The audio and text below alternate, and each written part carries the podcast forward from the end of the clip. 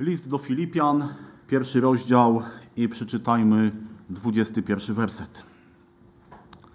Albowiem dla mnie życiem jest Chrystus, a śmierć zyskiem. Już ten werset słyszeliśmy dzisiaj tutaj, był czytany, był też wyśpiewany, więc śmiem przypuszczać, że każdy z Was dzisiaj ten werset już wypowiedział. I tematem dzisiejszej usługi, którą zatytułowałem Rzeczywistość czy pobożne życzenie. Wiecie, kiedy apostoł Paweł pisał ten werset, kiedy pisał list do zborów Filipi, to wiecie, gdzie on się znajdował? On był w tym czasie, on był w więzieniu.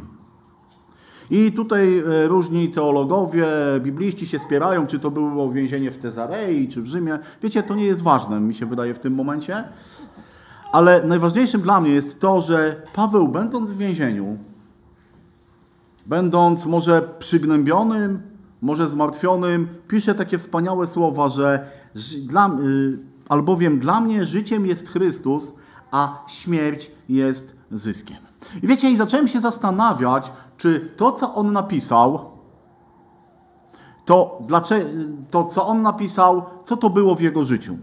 Wiecie, bo my doskonale wiemy, że jak do, do, kogoś piszemy albo z kimś rozmawiamy, to my czasem wiemy doskonale, jakich słów należy użyć, tak?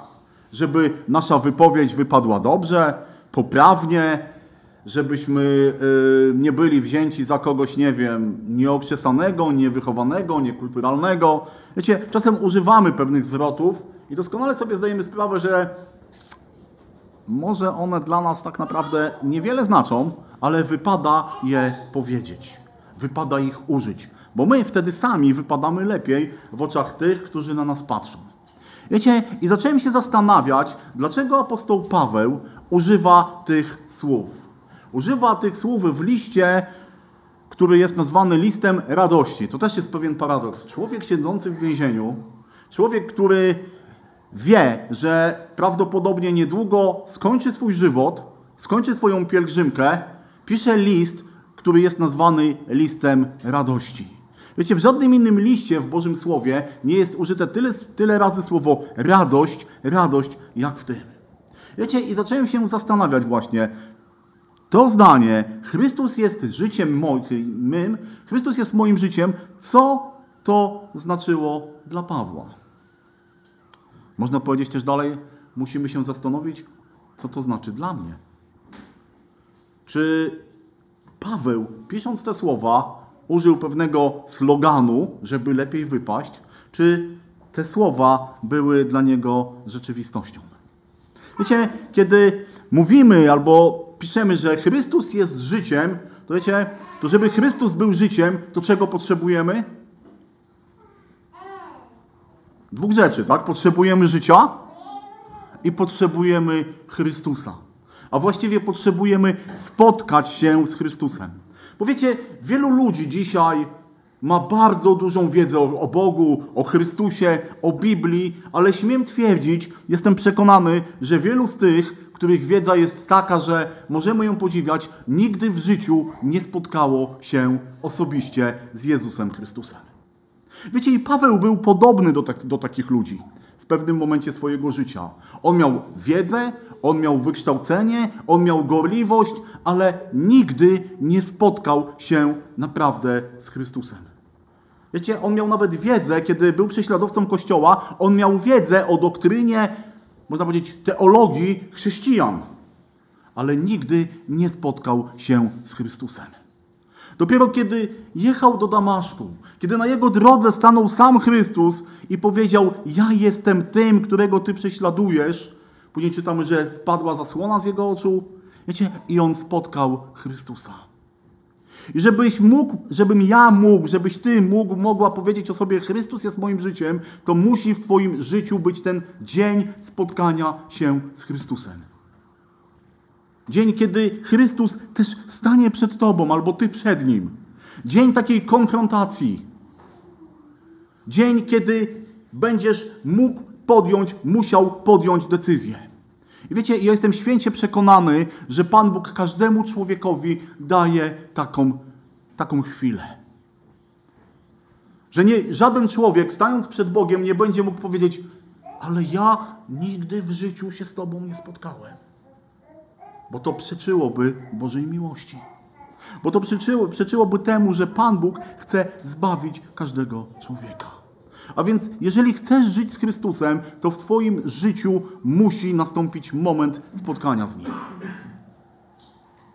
I druga rzecz, musi nastąpić moment, kiedy Ty pozwolisz Chrystusowi działać w Twoim życiu.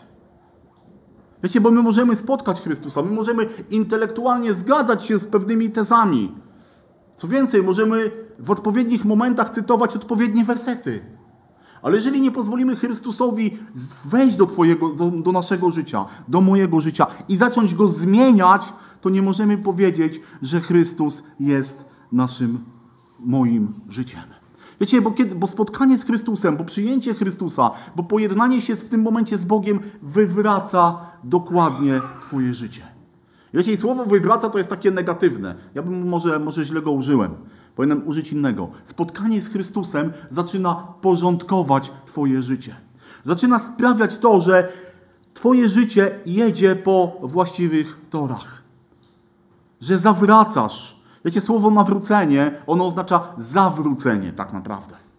I, I kiedy człowiek się nawraca, zaczyna iść we właściwym kierunku. I wiecie, i Paweł, kiedy spotkał Chrystusa, to jego życie właśnie zaczęło wracać na właściwe tory. Zobaczmy, list, ten sam list, list do Filipian, trzeci rozdział. Może od pierwszego wersetu przeczytajmy, do jedenastego. Ponadto, bracia moi, radujcie się w Panu. Pisać do was jedno i to samo nie przykrzy mi się, dla was zaś jest to zabezpieczeniem. Strzeżcie się psów, strzeżcie się złych pracowników, strzeżcie się przesady w obrzezywaniu. My bowiem jesteśmy obrzezani, my, którzy czcimy Boga w duchu i chlubimy się w Chrystusie Jezusie, a w ciele ufności nie pokładamy. Chociaż ja mógłbym pokładać ufność w ciele.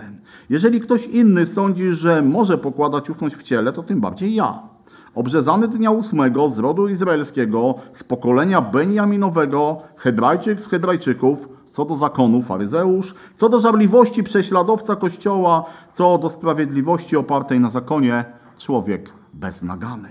Ale wszystko to, co mi było zyskiem, uznałem ze względu na Chrystusa za szkodę. Lecz więcej jeszcze, wszystko uznaję za szkodę wobec doniosłości, jaką jest poznanie Jezusa Chrystusa, Pana mego, który, dla którego poniosłem wszelkie szkody i wszystko uznaje za śmieci, żeby zyskać Chrystusa i znaleźć się w Nim, nie mając własnej sprawiedliwości opartej na zakonie, lecz tę, która się wywodzi z wiary w Chrystusa, sprawiedliwość z Boga na podstawie wiary, żeby poznać Go i doznać mocy zmartwychwstania Jego i uczestniczyć w cierpieniach Jego, stając się podobnym do Niego w Jego śmierci, aby tym sposobem dostąpić zmartwychwstania. Wiecie, kiedy zacząłem się zastanawiać, co to znaczyło dla Pawła, to właśnie ten, ten werset, ten fragment, ten rozdział, tak od razu przyszedł mi na myśl, czy też może powiem inaczej, no Pan Bóg od razu moje myśli skierował w tą stronę. Bo Paweł tutaj pisze o sobie jako, właściwie pokazuje swoje życie przed poznaniem Chrystusa i swoje życie po poznaniu Chrystusa. I tak naprawdę zacząłem się zastanawiać, z czego Paweł mógł być dumny przed spotkaniem z Chrystusem. No i Paweł tutaj daje doskonałą odpowiedź. Mówi, hmm, z czego mógłbym być dumny? No, z powodu mojego pochodzenia. Jestem Hebrajczykiem, jestem Żydem z pokolenia w pokolenie, z plemienia Beniamina, Mógł się chlubić z powodu swojego religijnego, religijnego, pobożnego, prawidłowego wychowania, no bo został obrzezany, tak jak powinien być obrzezany, bo został wychowywany w żydostwie, tak jak powinien być wychowany. Wiemy, że to, wiecie, nie było tylko takie wychowanie pobieżne. Na zasadzie ojciec mu pewne rzeczy mówił, ale z Bożego Słowa wiemy, że on studiował, że jak sam napisał, siedział u stóp Gamaliela, wielkiego nauczyciela, mógł słuchać naprawdę, kochani, mądrych, dobrych, właściwych, pobożnych, teologicznie, doktrynalnie, strukturalnie słów? Z tego mógł być dumny? Mógł być, mógłby być dumny ze swoich czynów? Tak? jest napisane człowiek, jeżeli chodzi o sprawiedliwość opartą na zakonie, to co? Człowiek beznagany. Słuchajcie, no pytanie, kto z nas mógłby tak o sobie powiedzieć? Nie? Nawet jeżeli biorąc same przykazania, kto z nas mógłby tak o sobie powiedzieć, o swoich uczynkach, o, swoich, o swoim działaniu, że tak naprawdę beznagany. Zresztą jest też taka ciekawostka, Paweł nie jest, nie jest bezczelny i nie, nie pisze, że bez grzechu, tak? Bo na, beznagany to nie znaczy to samo, co bez grzechu. Ale wiecie, ale dalej mógł być, mógł być dumny ze swojej moralności, żarliwości. Prześladowca Kościoła. Jestem pewien, że on nie zrobił nic takiego, co jaskrawo naruszałoby Bożą drogę. Miał się z czego szczycić. Pytanie, czy my czasem nie jesteśmy ludźmi, którzy też z pewnych rzeczy się szczycimy? No bo ja jestem taki, bo ja mam taką wiedzę, taką pozycję, takie urodzenie. Wiecie, i szczycimy się pewnymi rzeczami w takim naszym, że tak powiem, codziennym, fizycznym życiu, ale czy czasem nie jest tak, że też w, takich naszych w naszym duchowym życiu, w naszym duchowym wzroście czasem nie jest tak, że wiecie, gdzieś w sercu jest coś takiego, hmm, patrzę na mojego brata, razem zaczynaliśmy, tak, a w tym momencie ja jestem tutaj, za kazalnicą, a on gdzieś tam daleko, może w świecie, może gdzieś zbłądził, a może, może jeszcze coś innego. Wiecie, jesteśmy ludźmi, którzy potrafią się szczycić. I tak samo, zobaczcie, jak bardzo sprytnie to, że chcemy się szczycić, że chcemy się chlubić, jak bardzo sprytnie wykorzystuje szatan. Gdybyśmy dzisiaj wyszli na ulicę i większość ludzi na ulicy zapytali, w jaki sposób możesz osiągnąć zbawienie, to co byśmy usłyszeli?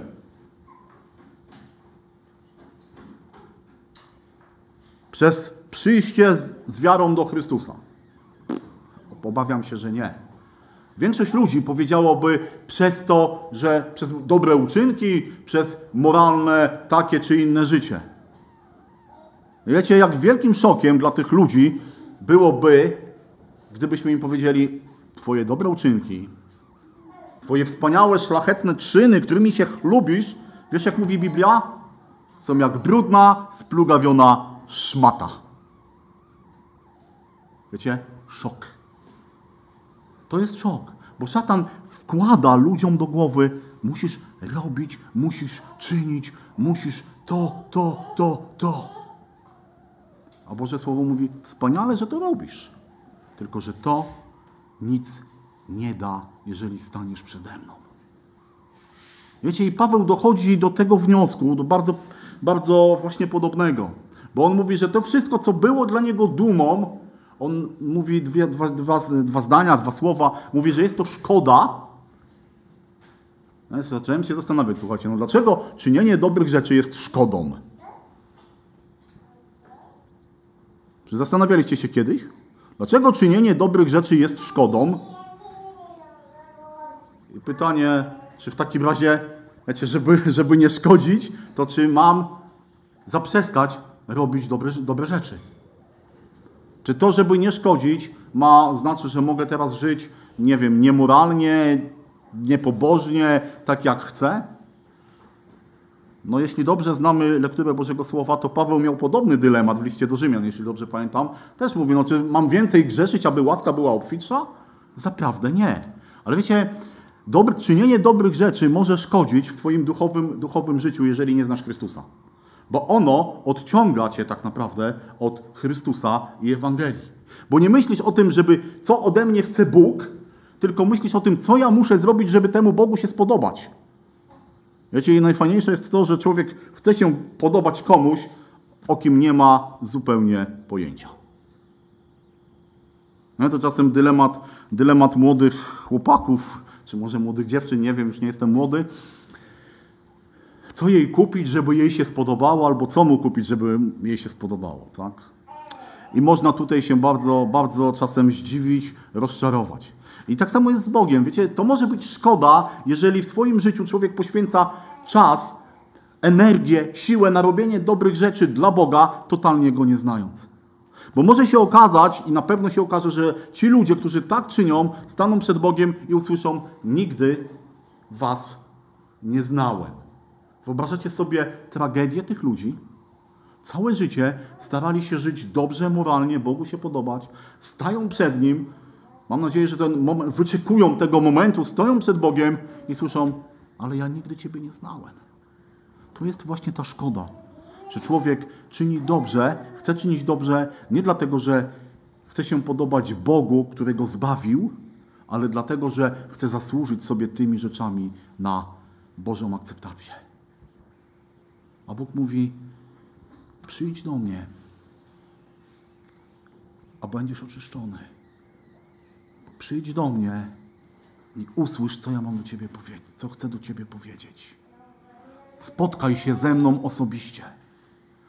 Drugi, drugi element, jaki Paweł mówi, to jest tutaj mamy śmieci, ale wiecie, w oryginale to słowo brzmi troszeczkę bardziej mocno, bo ono brzmi gnój i jeszcze w kilku tłumaczeniach jest jeszcze bardziej dosadnie. Ale zostańmy przy tym gnoju. Co to jest gnój, to myślę, że każdy wie. Jak powstaje gnój, też każdy wie. Mam nadzieję. I to wszystko, całe moje dobre, moralne, wspaniałe życie w porównaniu z tym, co w Boży, z Bożej perspektywy jest gnojem, jeżeli nie zrobię pewnej rzeczy. To, co Paweł pisze, muszę znaleźć się w Nim. Uzyskać całkowite usprawiedliwienie od Boga. Nie od siebie, nie własnymi zasługami, nie własną pracą, nie własną mądrością, siłą, y, moralnością, ale znaleźć się w Nim. To jest pierwsza rzecz. Jeżeli nie znajdziesz się w Chrystusie, to zapomnij o życiu w Chrystusie. Druga rzecz, to jest werset 10 tego trzeciego rozdziału. Wiecie, to jest, tutaj czytamy, żeby poznać Go, a więc mamy poznawać Chrystusa, aby doznać mocy zmartwychwstania, uczestniczyć w Jego cierpieniach, stając się podobnym do Niego. Wiecie, dzisiaj w wielu kościołach albo wielu, wielu ludzi mówi, ty przyjdź do Chrystusa, powiedz taką czy inną formułkę i wszystko będzie dobrze. Wiecie, znam ludzi, którzy kilkakrotnie stawali, mówili pewne formułki i ich życie było takie jak dawniej. Dlaczego? Wiecie, bo przyjście do Chrystusa, pokuta, to jest wspaniała rzecz. Jeżeli czynisz to z serca, to jest piękna rzecz, ale Boże Słowo mówi dalej, ale masz się uświęcać. Masz Go poznawać. Masz z Nim zacząć żyć i chodzić. Paweł pisze, Chrystus jest moim życiem. Chrystus daje Ci pełną sprawiedliwość. Wiecie, tutaj ciekawa jest rzecz, w tym fragmencie, co znaczy słowo sprawiedliwość. Słowo sprawiedliwość znaczy właściwy stosunek do Boga, a bycie sprawiedliwym to jest właśnie znajdować się we właściwych relacjach z Bogiem. Bo Bóg chce, żebyś do Niego przyszedł, bo Bóg chce, żebyś się z Nim pojednał i Bóg chce, żebyś zaczął żyć według Jego zasad i reguł, które są dobre, które są właściwe, które Cię budują. A my bardzo często byśmy chcieli pojednać się z Bogiem, przyjść do Niego, a potem powiedzieć: Świetnie, a teraz, Panie Boże, usiądź sobie tutaj, na tej kanapie, ty zrobiłeś swoje, ja zrobiłem swoje i teraz ja wychodzę, a jak będę miał jakiś problem, to do ciebie przyjdę. Dzisiaj wielu ludzi tak traktuje Boga. Wiecie, takie koło ratunkowe, jak już nic nie mogę zrobić, jak już nic nie potrafię sam wymyślić, to wtedy wiecie, olśnienie, przychodzę do Boga i co? Na kolana, Panie, ratuj. I co jest najwspanialsze, że bardzo często Bóg ratuje.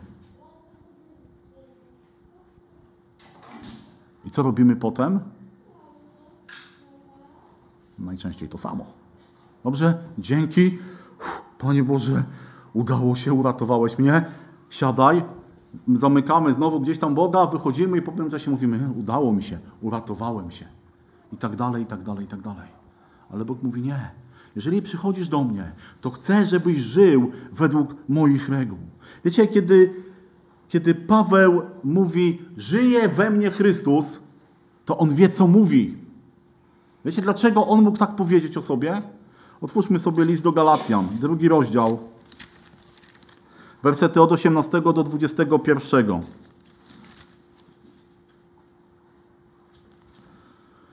Bo jeśli znów odbudowuję to, co zburzyłem, samego siebie czynię przestępcą. Albowiem ja przez zakon umarłem zakonowi, abym żył Bogu. Z Chrystusem jestem ukrzyżowany, żyję więc już nie ja, ale żyje we mnie Chrystus, a obecne życie moje w ciele jest życiem w wierze w Syna Bożego, który mnie umiłował i wydał samego siebie za mnie. Nie odrzucam łaski Bożej, bo jeśli przez zakon jest sprawiedliwość, wtedy Chrystus nadarem mnie umarł.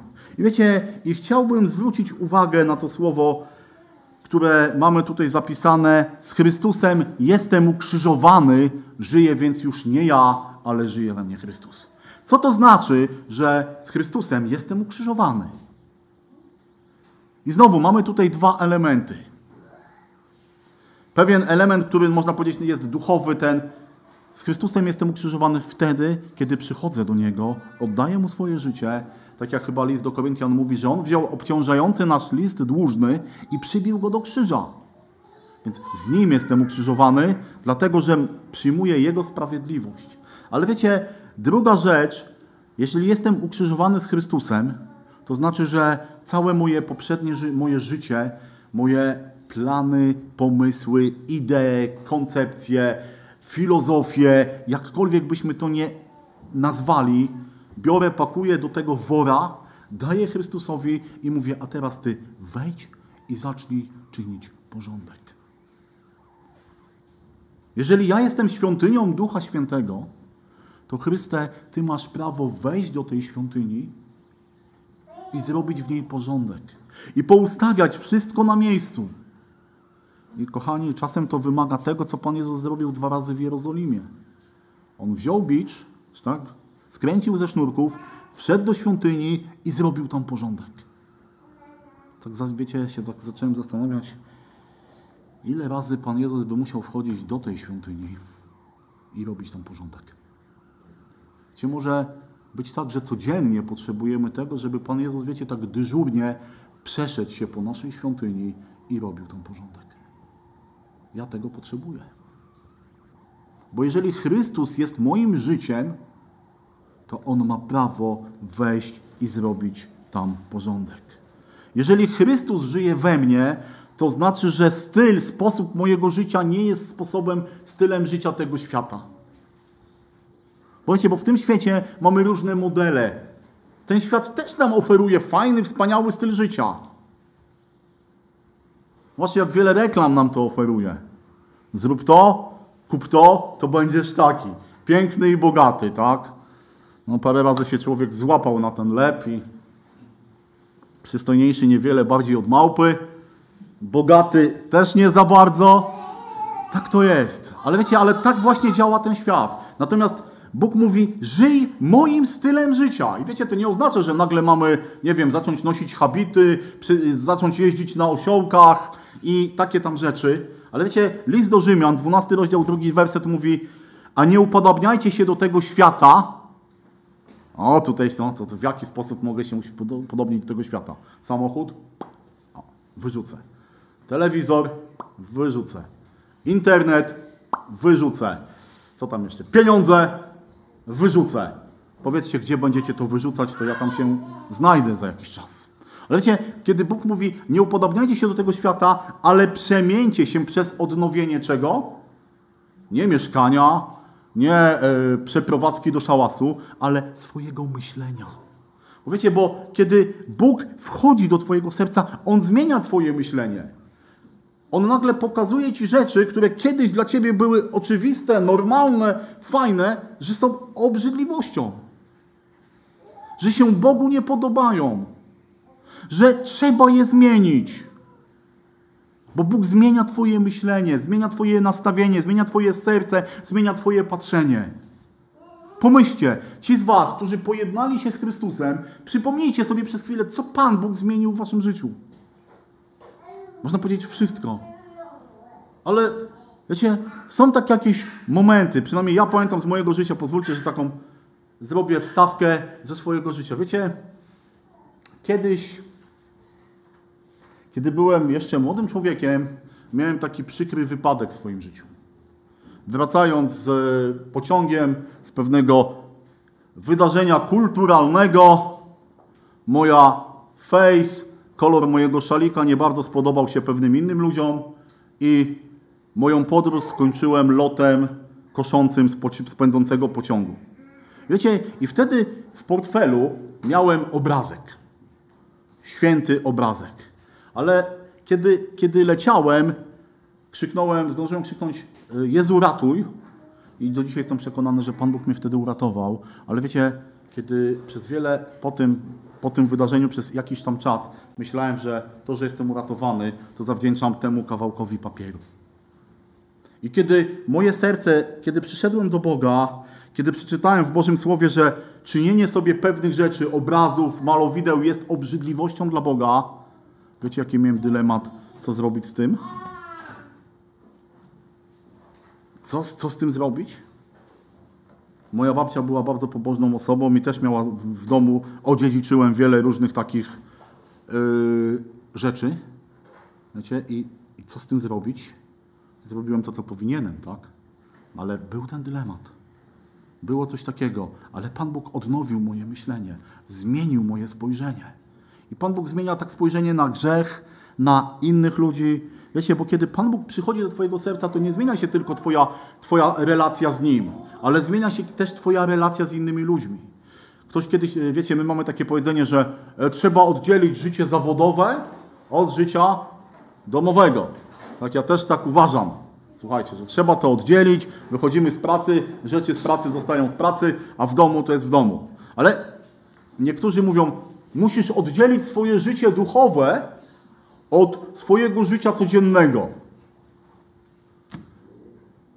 Ale wiecie, kiedy ja czytam Biblię, kiedy patrzę do Bożego Słowa, to ja nie widzę, żeby tam Paweł, Piotr, inni Boży mężowie, Boże niewiasty mieli coś takiego jak życie duchowe i życie codzienne. Nie, bo nie ma czegoś takiego. Z Chrystusem jestem ukrzyżowany, więc żyję już nie ja, ale żyje we mnie Chrystus. W jakim życiu? W tym jednym, jakie mam. W sferze duchowego mojego życia i w sferze nieduchowego. I kiedy Bóg zmienia Twoje serce, to On zmienia też patrzenie na innych ludzi. Wiecie, co Pan Jezus powiedział w Ewangelii Jana 13 rozdziale? Nowe przykazanie wam daję, abyście co? Abyście się wzajemnie miłowali, bo co? Bo potem wszyscy poznają, że jesteście moimi uczniami. Albo Ewangelia Mateusza, 5 rozdział, 44 werset. A ja wam powiadam, miłujcie. O jakby się chciało ten, to słowo nie zakryć palcem i inaczej przeczytać. Nie? Miłujcie przyjaciół waszych. No, dobrze, ale tam jest napisane miłujcie nieprzyjaciół waszych. Bo życie z Chrystusem, bo powiedzenie Chrystus jest moim życiem, to dotyczy Twojego duchowych relacji z Bogiem i relacji z innymi ludźmi. Chrystus jest życiem mym, powiedział Paweł. I to była prawda w jego życiu. Kiedy przeczytamy dzieje apostolskie, kiedy będziemy czytać inne Boże Słowo o Pawle, jego listy, tam to widać. A wiecie, Pytanie, czy Chrystus jest życiem mym, jest prawdą w moim życiu, czy też, wiecie, takim sloganem? Dzisiaj świat oferuje nam wiele różnych sloganów, wiele różnych haseł. Tak? Biedronka. Co Biedronka? Codziennie niskie ceny, tak? Crunch Chips? Jest Crunch Chips? Jest impreza. Co dalej? Red Bull? Co robi Red Bull? doda skrzydeł. Alior Bank? Wyższa kultura bankowości. Gdzie masz konto? W Alior Banku. To są pewne slogany, którymi, wiecie, którymi świat nas bombarduje i tak samo jest czasem w życiu duchowym. Słuchajcie, my jako chrześcijanie potrafimy sobie stworzyć chrześcijańskie, pobożne, dobre slogany. Ale czy jednym z nich nie jest właśnie to Chrystus jest życiem mym?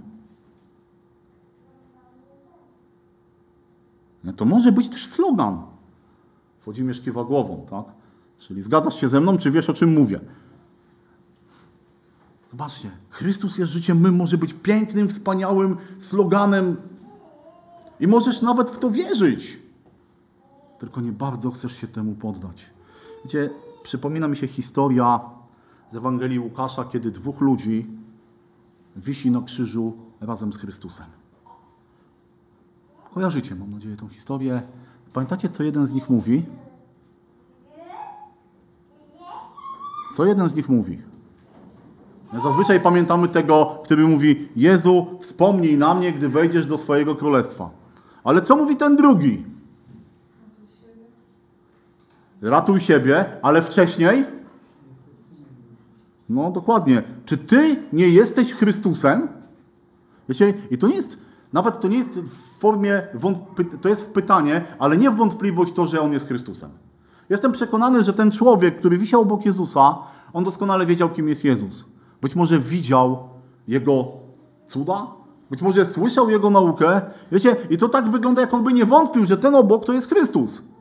Ale mówi co?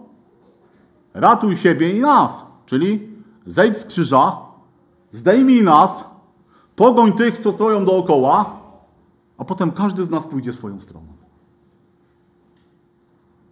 A potem każdy z nas podamy sobie ręce, uściskamy się i ty będziesz robił to, a ja wrócę do swojego życia. Czasem tak nie chcemy, mówiąc, Chrystus jest moim życiem, że hm, okej, okay, fajnie, ale ja będę, a ja będę żył po swojemu. Chrystus jest życiem mym, kochani. Co to znaczy dzisiaj dla mnie i dla Ciebie? Co zrobić, żeby to stwierdzenie było właśnie rzeczywistością, a nie pobożnym życzeniem? Jak mamy żyć? Jak mamy postępować? Jak ja mam, co ja mam zrobić, żeby to było prawdą? Żeby to było realnością, żeby to było rzeczywistością, żeby to nie było sloganem, kolejnym reklamowym sloganem, jaki sobie czasem wkładam w moje życie. Wiecie, czasem te slogany nam się mogą zmieniać, ale w chrześcijaństwie warto mieć taki slogan. W liście do Tymoteusza, drugim, trzeci rozdział są takie wersety o tym, jak, jacy będą ludzie w czasach ostatecznych. I wiecie, jest spór, o kim tu jest mowa, czy to jest o ludziach wierzących, czy w kościele, czy nie w kościele, ale tam są takie słowa, piąty werset mówi, y, którzy przybierają pozór pobożności, podczas gdy ich życie jest zaprzeczeniem jej mocy. Również tych się wystrzegaj. Tak pisze Paweł do Tymoteusza, do swojego współpracownika. Pisze o ludziach, których życie wydaje się pobożne, ale co? Ale ich, ich czyny, ich dzieła, to co robią, jak żyją, jest zaprzeczeniem tego. Ja myślę, że to jest dobry, dobry test, żeby zastanowić się sam nad sobą. Czy moje życie skonfrontowane z tym wersetem, z tym fragmentem jest właściwe? Co zrobić, żeby, żeby to była rzeczywistość, żeby życie, życie, powiedzenie żyję z Chrystusem było, było prawdziwe. Już słyszeliśmy ten, ten werset dzisiaj, brat Łukasz go czytał, pierwszy list, y, jedyny list Jakuba, pierwszy rozdział, 22 werset, ale bądźcie wykonawcami słowa, a nie tylko słuchaczami oszukującymi samych siebie. Bądźcie wykonawcami słowa. Żeby słowo wykonywać, to to słowo trzeba znać. Żeby być wykonawcą tego słowa, to trzeba zanurzyć się w tym słowie. To trzeba je studiować, to trzeba prosić Boga, aby On oświecał. Bo wiecie, bo powiedzenie pewnych, albo nauczenie się nawet pewnych pobożnych fragmentów może nic nie zmienić w Twoim życiu. Możesz czasem błysnąć w tym czy innym środowisku, ale jeżeli to nie będzie realność, bądźcie wykonawcami słowa. Trochę wcześniej, drugi list do Koryntian, 13 rozdział, 5 werset, apostoł Paweł też pisze, poddawajcie samych siebie próbie, czy trwacie w wierze, doświadczajcie siebie, czy nie wiecie o, czy nie wiecie o sobie, że Jezus Chrystus jest w was, chyba żeście próby nie przeszli. Ale zobaczcie, doświadczajcie, badajcie, sprawdzajcie. Wiecie, Bogu zależy na jakości Twojego życia. I kiedyś mówiłem, że Panu Bogu nigdy nie jest wszystko jedno. Co robisz, co myślisz, co mówisz, gdzie i z kim jesteś. Ale Boże Słowo mówi, poddawaj sam siebie próbie. Sprawdzaj, weryfikuj, porównuj. Wiecie, mamy wspaniały miernik. Słuchajcie, nie ma doskonalszego miernika sprawdzenia, jak wygląda moje życie z Bogiem od Bożego Słowa. Kiedy do Niego sięgam? Kiedy je biorę do ręki? Czy to jest moja codzienność? Czy wiecie, wielkie święto, mam Biblię w ręku. Kiedyś czytałem taki artykuł y, Rok z życia Biblii. Może go kiedyś znajdę, bo jest bardzo ciekawy. W pewnym momencie tam są takie różne, wiecie, różne wspomnienia Biblii, która mówi, zostałam spakowana do walizki, znaczy, znaczy jedziemy na wakacje. Dwa tygodnie później zostałam wyjęta z walizki. Wróciliśmy z wakacji.